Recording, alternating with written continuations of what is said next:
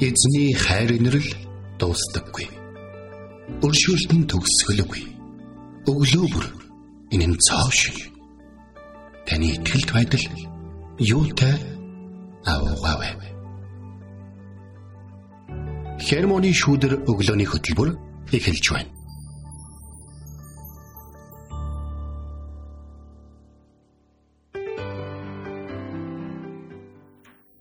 Шинэ 7 өдрийн мэнд. Шинэ 7 өдрийн мэнд төргий, өглөөний мэнд төргий.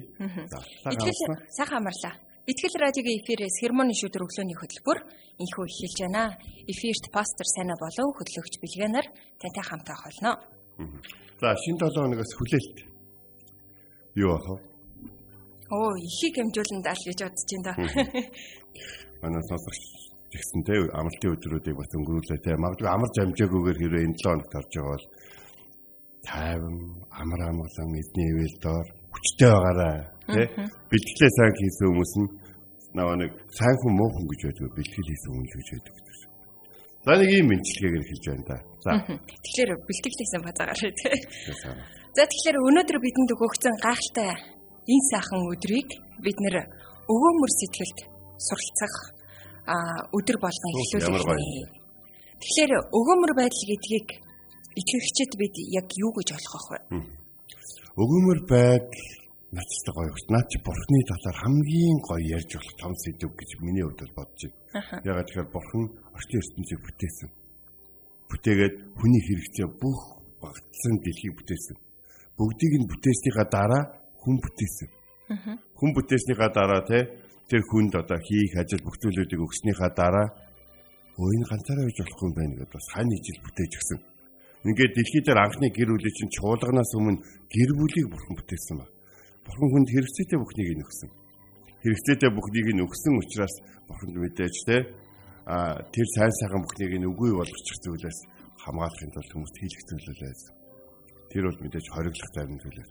Гэтэ хүмүүс даанч бурхны өгсөн бас нэг өгөөмөр байлыг бороо ашигласан тэр бол сонголт хийх хэрэг байхгүй. Бурхан биднийг энэ 7 хоногт ивэхийг хүсэж байгаа харин таны сонголт юу вэ? Харин гэдэг та ямар сонголт хийсэн бурхан таны хайрсаа байх болно. Жишээ нь энэ л өгөөмөр байдал. Аа. Өөр хүмүүс бол хөрөнгө оруулалтаа татаал тэ харж ихсалтанд оруулаа тэ. Одоо юу гэдэг юм блоклоо тэ одоо зайл гэж хэлээд одоо чи тренд үг болоод сүүлийн 2 хоног. Тэгэхээс бол эзэн бол харин тэгэхгүй. Би энэ байж би чамаг ивэн. Би чам хамгийн хүндтэй газруудаар явах чи өвлийн аранхуй үндийгээр явхад чинь гэсэн би чамтай хамт байна. Тэгэхээр энэ эзний зүгээс гарч бидэнд гарч байгаа энэ сэтгэл энэ хайр бол өстой үнэхээр өгөөмөр байдлыг илэрхийл.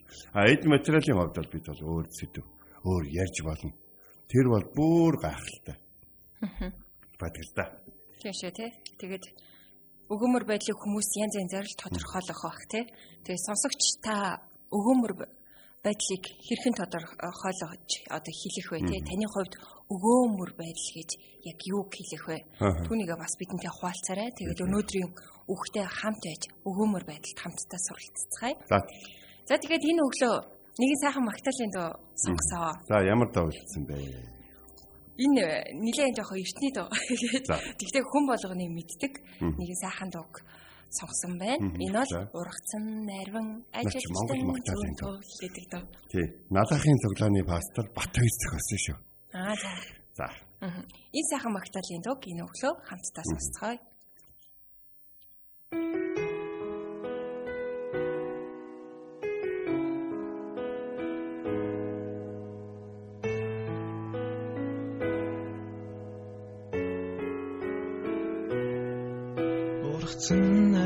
нарвинч ажиштын сонтол ургацын эзэн хандан бүдээр ажиштын төлөө гойгаарэ гэж эзэн Есүс хэлсэн. Эзэн бурхан минь намайг талаад найстай минь хамт илгээж өгөөчтэй. Алсын зам биднийг дагуулж алдрынхаа төлөө хэрэглээж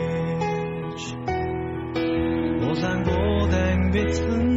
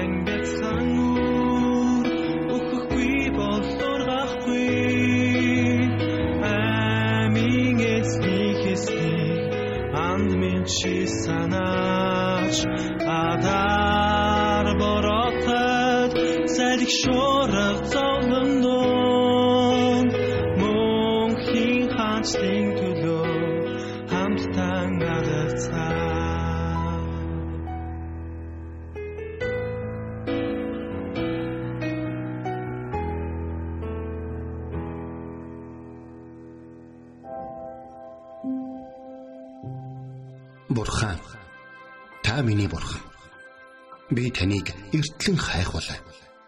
Усгүй хоорой ангамл газарт сэтгэл минь танаар сангаж би махбат минь таныг хүсн тимүүлж байна. Дуурал 63-ийн 1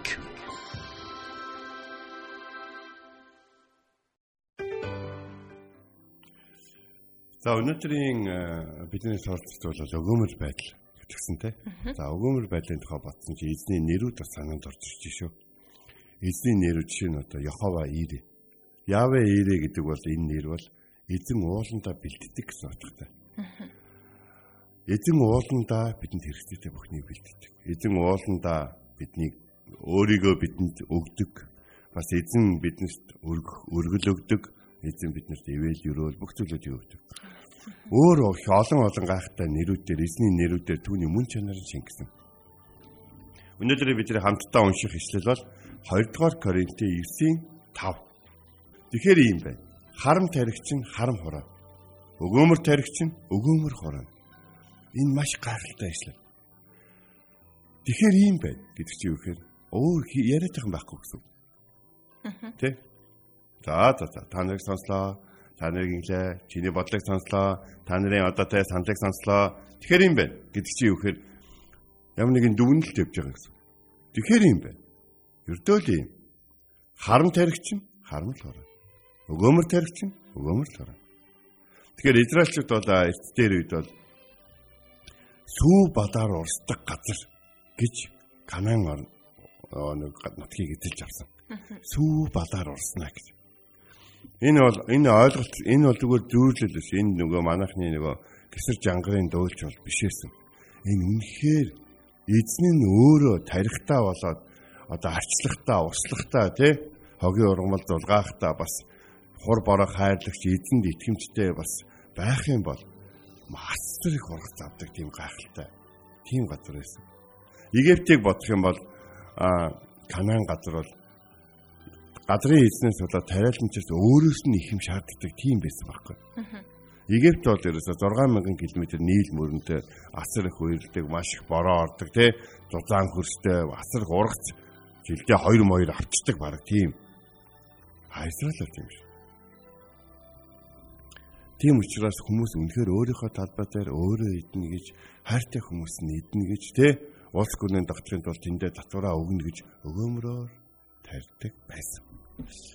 За тэгээд тэд нар бүр яадаг байсан бэхээр эзний хуулийн дагуу юм байсан маа. За ядууш та нар өгөөмөр ханднаа. Тэ? За яагаад вэ гэхээр та нар ингээд тариаг ингээд хураагаад ингээд явж исэн чинь ингээд одоо юу гэдэг та нарын одоо ингээд хадуураар хадангуудаа тэврээд явж исэн тарианаас чинь сугараад унах юм бол битгий яа. Хойноос чинь явж байгаа ядууст эзэн унгааж байгаа юм бай гэж л ойлго. Болон дохоогүй бүр юу ч үлдээлгүй битгий хам ядуус тэндээс чинь түүж одоо хоол хүнсээ залгах болно гэж байна. Тиймээс эзэрлчүүд бол а яг энэ зүйл бол маш итгэмжтэй хандж байна. Яг тэгж итгэмжтэй ханддаг байсныхаа хариуг бол Боаз гэдэг хүн жишээ нь хүртсэн байна шин. Боаз тэ ядуус ингээд юу олгосон? Боломж олгосон. Тэгээ түүний талбай дээрс хүмүүс ирээ тариа түүсэн түүсэн чинь тэр түүж байгаа хүмүүсийн дотор рут байсан байна.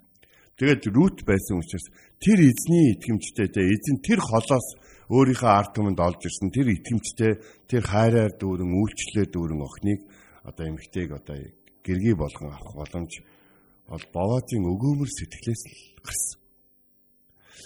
Тэгээд шин гэрээний талаар хэрэг бид ярих юм бол одоо Коринт хотын бичсэн захиан дээр Паул хэлж шít. Тэгэхээр юм бэ? Харамыг тариул харам, өгөөмрийг тариул өгөөмөр гэж. Энэ дээр бол эзний хайраар сайн мэдээний дотор бие биендээ гарах сэтгэлийн тухай, өргөлийн тухай бас ярьж байгаа юм л да. Нэгдүгээр бол та нар би өргөлийн тухай ярьж байна. Та нар өгөөмрөөр өргөх юм бол өгөөмрийг л ав. Та нар хармыг тарих юм бол хармыг тарьсан гэдэг чинь эзэн болон одоо тэр хүртэгчд нь мэдж байгаа учраас бас хармыг л тарина. Та нар хармыг уриалах юм бол хүмүүс хармыг өргөдөг болно. Та нар өгөөмрөөр тарих юм бол хүмүүс дагаад өгөөмрийг тарьж тэр хэмжээгээр эзнэр өрөөгдөх болно. Бас нөгөө тал дээр Коринтотын бичсэн энэхүү загтлыг нэг үйлчлэлтэй холбож ойлгох. Үйлчлэлдээ өмчилж битгий харам үйлчил гэж. Аа би сэтгэл гаргаад яхаа айг бол дараагийнх нь хүн хурж ирээд нураагаа айчих шүү дээ. Энд нэг иймэрхүү нэг юм тал сэтгэлээр үйлчлэгээд л болно те. Сайн бэлтгэл үйлчлэлээ гэдээ бол хэрэг байдгүй гэдэг гэж битээ бол. Чиний үйлчлэл хүмүүс хамгийн сэтгэл гаргадаггүй гадарч хамгийн өгөөмөр байгаарай. Тэгэх юм бол эдэн үргэлжлүүлээд те ерөөхөл болно. Эдэн одоо юу гэдгийг бүх хүмүүсийг нийтэд нь харж үзээд нэг юм бөөнддөг эзэн биш хүн болгоныг тус тусад нь хардаг гэдэг. Тийм учраас харам тарьж байгаа нь өгөөмрүүдийн дунд нуугдаж чадахгүй. Өгөөмөр тарьж байгаа нь хармуудын дунд замхарч алга болохгүй. Битгий санаа зов. Тэгэхээр ийм бай. Харам тарих юм бол хармын хураа. Өгөөмөр тарих юм бол өгөөмрийн хураа. Тэгээд бид нэр сэтгэл гаргаж эзэн харж яхад үнэхээр сайн одоо өгөөмөр сэтгэлийг бол ингээд тарих. Ягаад тэгэхээр эзэн ингээд дандаа нэмж өгдөг. Авраам эзнийг дагснаас хойш нэг зүйлийг ойлгосон. Бидний эзэн бол бидний одоо тэ бодож байгаагаас бидний хүсэж байгаас бидэд хэрэгтэй байгаагаас илүү нэмж өгдөг юм байна гэдгийг ойлгосон учраас Авраам Авраам басныхаа дараач юмыг дандаа нэмж өгдөг гэсэн. Авраам авъя гэхээс илүү дандаа өгдөг хүн байгаад байна. Авраам эхнэр Сара насарсны дараа маш гашуудлаа болсон хэцүү болсон. Гэхдээ эргэн тойрноо алсан чи тэр өөрийн нутгаас хол байсан. Харин эзэн түүнд өгнө гэсэн нутаг дээр амьдарч ирсэн. Гэхдээ эзэн түүнд өгнө гэсэн боловч авах арай болоогүй нутаг байсан. Нэгсэндээ мөнгөний төлөөгүй эдхимийг эдхимийг гинэ айгу хүүхдээ хэлээрээс. Дэлгүүр дотор идчихгүй үстэй. Аав ээж нь төлсний дараа иддэг. Тэ? Энээс болж айгүй хэсэлт гардаг шүү. Тиймээс эцэг эхчүүд хүүхдээ сахлах батган үсгэснийхаа юг одоо хүнд байдлыг ийм олон нийтийн гадар заримдаа амсдаг шүү. Авраам бол яасан бэхээр нутгийн найдууд дээр очиод за сайн байцгаана уу? Амар амарлан байна уу? Эзний өрөөл дүүрэн байна уу? Та нараас агуух зүйл гарлаа гэсэн чинь. Асуулт та бидний дунд агуу ноён штэ. Та бол гайхалтай хүн, та бол өгөөмөр хүн, та бол нүмер нөөлөг болдог хүн, та бол өөрийнхөө өөрт чи хамаагүй зүйлд хүртэл биднийг өмгөөлн тололддог хүн. Та мал шим бүх зүйлээ бидэнтэй хуваалцдаг хүн. Та юу биднээс асуух гэсэн гэж. Та нар энэ газар нутаг дээр байгаа нэг агууг надад зараач. Эзэн түүнийг өгнө гэсэн багш тэг чинь Авраам тэр нэг түр амьдарч байгаа хүмүүсээс зараач гэж гуйсан. Тэгсэн чинь нөгөө хүмүүс нь юу вэ та дуртай газар оршил. Та ямар уулыг заан те ямар агууг заан тэрийг зүгээр л аваач те. Тантай тэрийг булаацлах хүн байхгүй штэ гэхэд Авраам үгүй би заавал авна гэж хэлээд мөнгөний өгсөн. Мөнгөний төлөлтийг нь тэд нар хараад гисэн хамаагүй их мөнгийг өгсөн баг. Нэгдүгürt энэ бол хайртай хүнээ оршуулж байгаа учраас харамгүй байсан. А нөгөө талаар тэр газрыг үнэлж болохгүй. Тэр газрыг бурхан Авраамд өгөх гэж ирсэн. Тэр газрыг Авраам өөрийнхөө өөрийнхөө хураа цугласан мөнгөн үнэлэмжээр үнэлэх боломжгүй байсан. Тийм учраас тэднэрт бүр бэлтгэн дүүртэл хамгийн их мөнгийг илүү нэмж төлсөн. Учир нь яагаад яагаад гэвэл Авраамыг дуудсан эзэн өөрөө өгөөмөр гэсэн байсан. Авраам уур гэдэг газартай нэг хэсэг газар амьдардаг байсан байна. Харин Авраамыг дуудаж авчиад бүхэл бүтэн уулс амьдрах газар түүний өөр үрдэн бол 12 ав аймаг багтах газрыг эзний түүнд өгсөн байхгүй. Тэгэхээр эзний өгөөмөр байдлыг бүгдээр хамтсараа эзэн бидэнд харам хизээж хандаж байна. Тэгвэл та эзний өгсөн цаг хугацаа энэ амьдралд эзний өгсөн танд бэлдэж өгсөн зүйлүүдийг эзэн хэрэглэн амьдарч эзний тань руу илгээж өгсөн хүмүүсийн хайрыг, дэвчээрийг уучлалыг амсан амьдарч та хэр зэрэг харам бэ? Эсвэл та өгөөмрөө гэдэг асуултаа өнөөдөр тавих болсон байна. Хүнс гэдэг бол мөнхийн хэрэглээ. Израильчууд бол тариланцгийн талаар бол байна. Нэг бид нэг загсны загсан дээр нэг өгөөмөр тарих марих тухай ярихгүй шүү дээ. Тарилан дээр.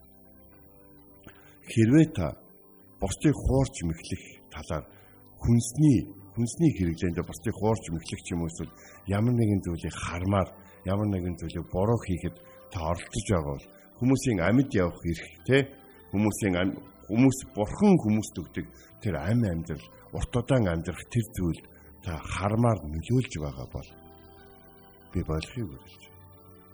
Та харин өгөөмөр бай. Магадгүй та бага шиг болж магадгүй.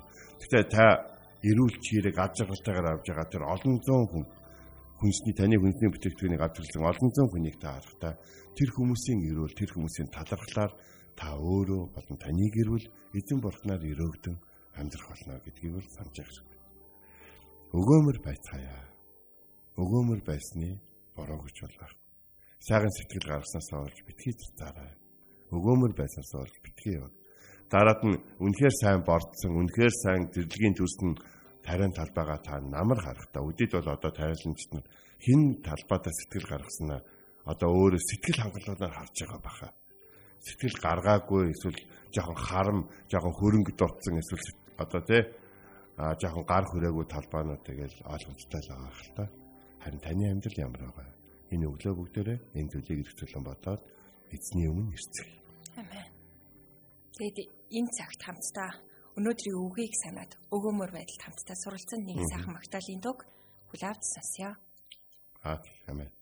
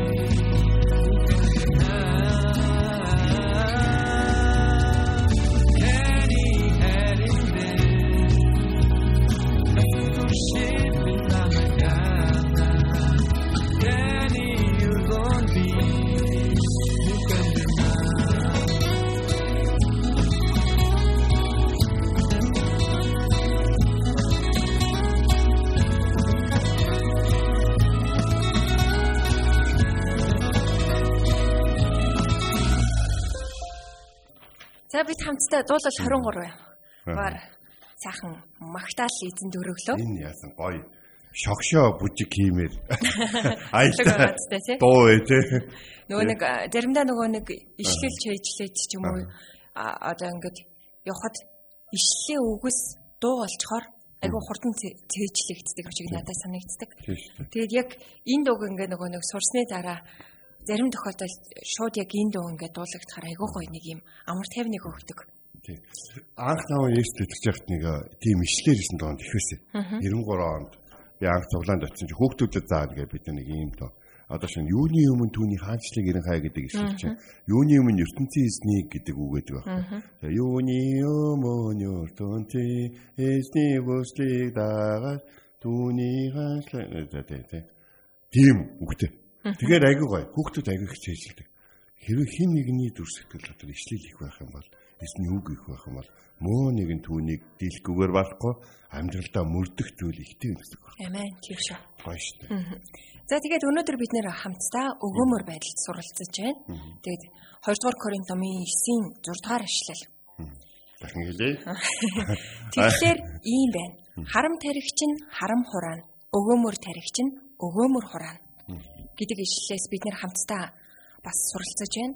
Тэгээд пастрийн э, одоо үгээс бас нэг зүйлийг айгүй их ойлгож авлаа л да. Бид нэр өгөөмөр байдал гэхлээр яг нэг ингээл өөрт байгаа эд материал те магадгүй ингээд нөгөө өөх жолох мөнгө төгрөг гэдэг ч юм уу те ховц сонор тиймэрхүү зүйлийг ингээд боддог боловч надаас гарч болох тэр бүх зүйлдээ өгөөмөр байх хэрэгтэй байна гэдгийг өнөөдөр би бас сурч авлаа. Үйлчлэх тэр зүрх сэтгэл нь ч өгөөмөр байх тий. Үнэхээр өгье гэвэл ганцаасаа гэдэг шиг тий. Үнэхээр бүх зүйл дээр танаас гарч болох, хийж болох тэр бүх зүйлдээ та өгөөмөр сэтгэлээр хандаарай. Яагаад тэгэхээр бидний эзэн өгөөмөр шүү дээ тий. Тэгэхээр Тэр зүйлийг өнөөдөр маш сайн ойлгож авлаа. Тэгээд бас нэг зүйл бодогдчихлээ л доо. Энэ болохоор нөгөө манай мэрэгэн зөвлөмж нэвтрүүлгээр хилэгдчихсэн үг байхгүй юу? Бид авах тал дээрээ илүү их анхаарах үедээ өгөхийн баяр хөөргийг мэдрэлгүй өнгөрдөг. Гэдэг үг байсан. Тэгэхээр нөгөө заримдаа бид нэр те ингээл мэдээж ингээд хүн юм авах амар гоё мэдрэмжэлтэй те. Бусдаас тусламж ингээл эсвэл бэлэг те. Нэг юм авна авах бол үнэхээр гоё мэдрэмж.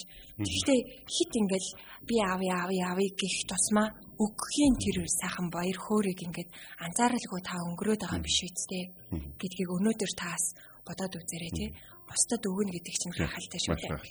Энэ э, нэг э, хичээлээр бэсэг гэж сууж хагаад өгөөмөр байдлын талаар яг ингээд ярилцчихсан. Тэгтээ нэг ад жаргалын талаар ярьжсэн. Библийн хичээлдээ. Чи тэн дээрс юм гэхээр нэг Христэд итгэж банкны ажилтан Аа нэг зүгээр өөрөө нэг юм туршилт хийж үзсэн юм байна. Тэрний үхээр өөртөө өөрчлүүлж байгаа хэрэглэгчдийн банкны зарцуулалтыг байна. Тэгтэл хөрөнгө орлого бага олдог тийм хүмүүс олоолаа ууж хэрэгэлдэг, иддэг, хүнтэй хуваалцсан иддэг болтой хүнсний бүтээгдэхүүн ихээр худалдаж авдаг наалжтаасан гинэ. Бичэн, ундаа гэдэг ч юм уу те. Аа гэтэл юу хүмүүсийг ингээд юу гэдгийг одоо юу гэдэг ухаантай зарцуулдаг гэж ярьдаг хүмүүс ингээд харах юм бол хүмүүстэй хувааж хэрэглэх зүйлүүдийг айгүй бага яг ингээд өөртөө тохирсонтай өглөөний зайндаа ч юм уу нэг юм явт дундаа идэх гэдэг ч юм уу нэг хүнд зориулсан маяг юм их авдгийг ингээд ойлгосон гинэ. Тэгээд хүн их олох тусмаа бусадтай хуваалцсан ингээд юух зүйл нь жоохон багасаад байна уу? Харин э, бага олж байгаа ч гэсэн тогтмол олж байгаа бол бусадтай хуваалцах тал дээр их байдаг юм байна. Ер нь бол бусадтай хамт аж аргалтайгаар амьдралыг тоолох нь их бага олж байгаагаас хамаарахгүй байна гэдэг зүгээр өөрөө ингээд анзаарсныгаа цоглаан дээр гэрчилсэн байгаа байхгүй. Аа. Тийм шүү тий. Тэгээд авахаасаа өгөх нь илүү ерөөлтэй гэдэг үгийг эзэн Есүс байнгын бидэнд сануулж хэлдэг байсан. Өнөөдөр энэ үг ер нь бол хүн болгон мэдж байгаа тий. Авахаасаа өгөх Одоо бүр нь э, итгэдэг байна уу, итгэдэг байна уу хамаагүй бүгд л хэлж байгаа үг шүү хэлж байгаа. Тэгээд буцаага тий өгөөмөрөөр яг л эн чинь нөгөө нэг өнөөдөр бидний үдчихэж байгаа яг ишлэлийн одоо яг энэ ойлголттой яг л бас нэг шүү дээ тий. Өгөөмөр байвал өгөөмөрөөр тавил өгөөмөрөөр авна гэдэг шиг тий. Бусдад өгөх тусам өгөхдөх болно тий. Тэгээд э, Яа. энэ энийг одоо нөгөө үгийг мэддэг хэрнийг хэрэгжүүлж байгаа нь маш цөөхөн байт юм байна л да. Бидний дунд тий. Тэгээд энд хэлэгдэж байгаа ерөөлтэй гэдэг үг нь үнэндээ аж жаргалтай гэсэн үг юм аа. Авахаас өгөх нь илүү таныг аж жаргалтай болгодог шүү.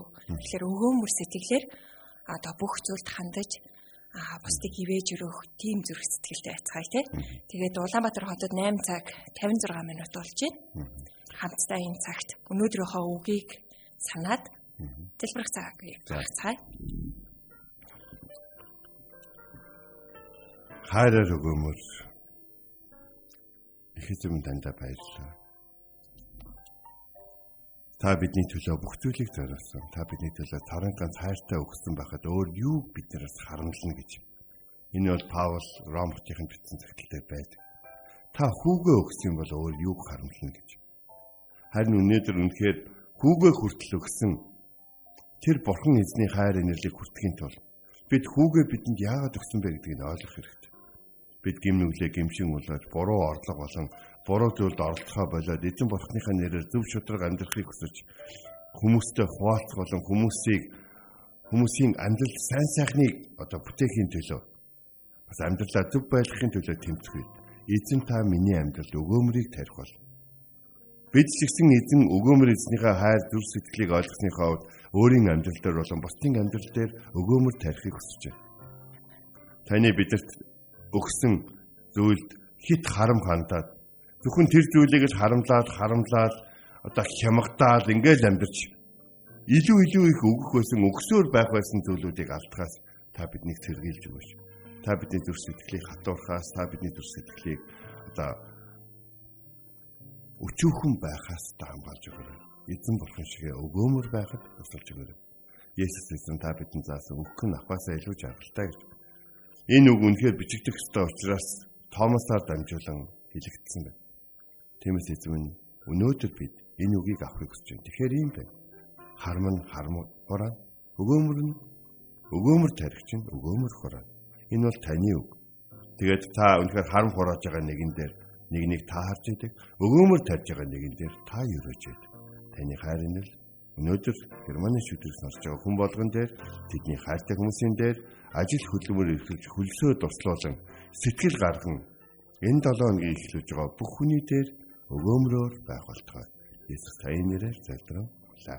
Амен. Бурхны үг таны оюун санааг дүүргэж, зүрхийгтэй захирж, үгийгтэй хамгаалах болтугай. Энд хүрээд Итгэл радиогийн хермоны шүдэр өглөөний хөтөлбөр өндөрлөж байна. Маргааш энэ цагта эргээд уулзцгаая. Эзэн таныг Харж хандах болтугай.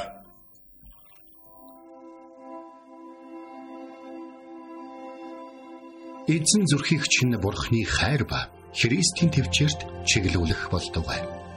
Хермоны шүүдэр өглөөний хөтөлбөр танд хүрэлээ.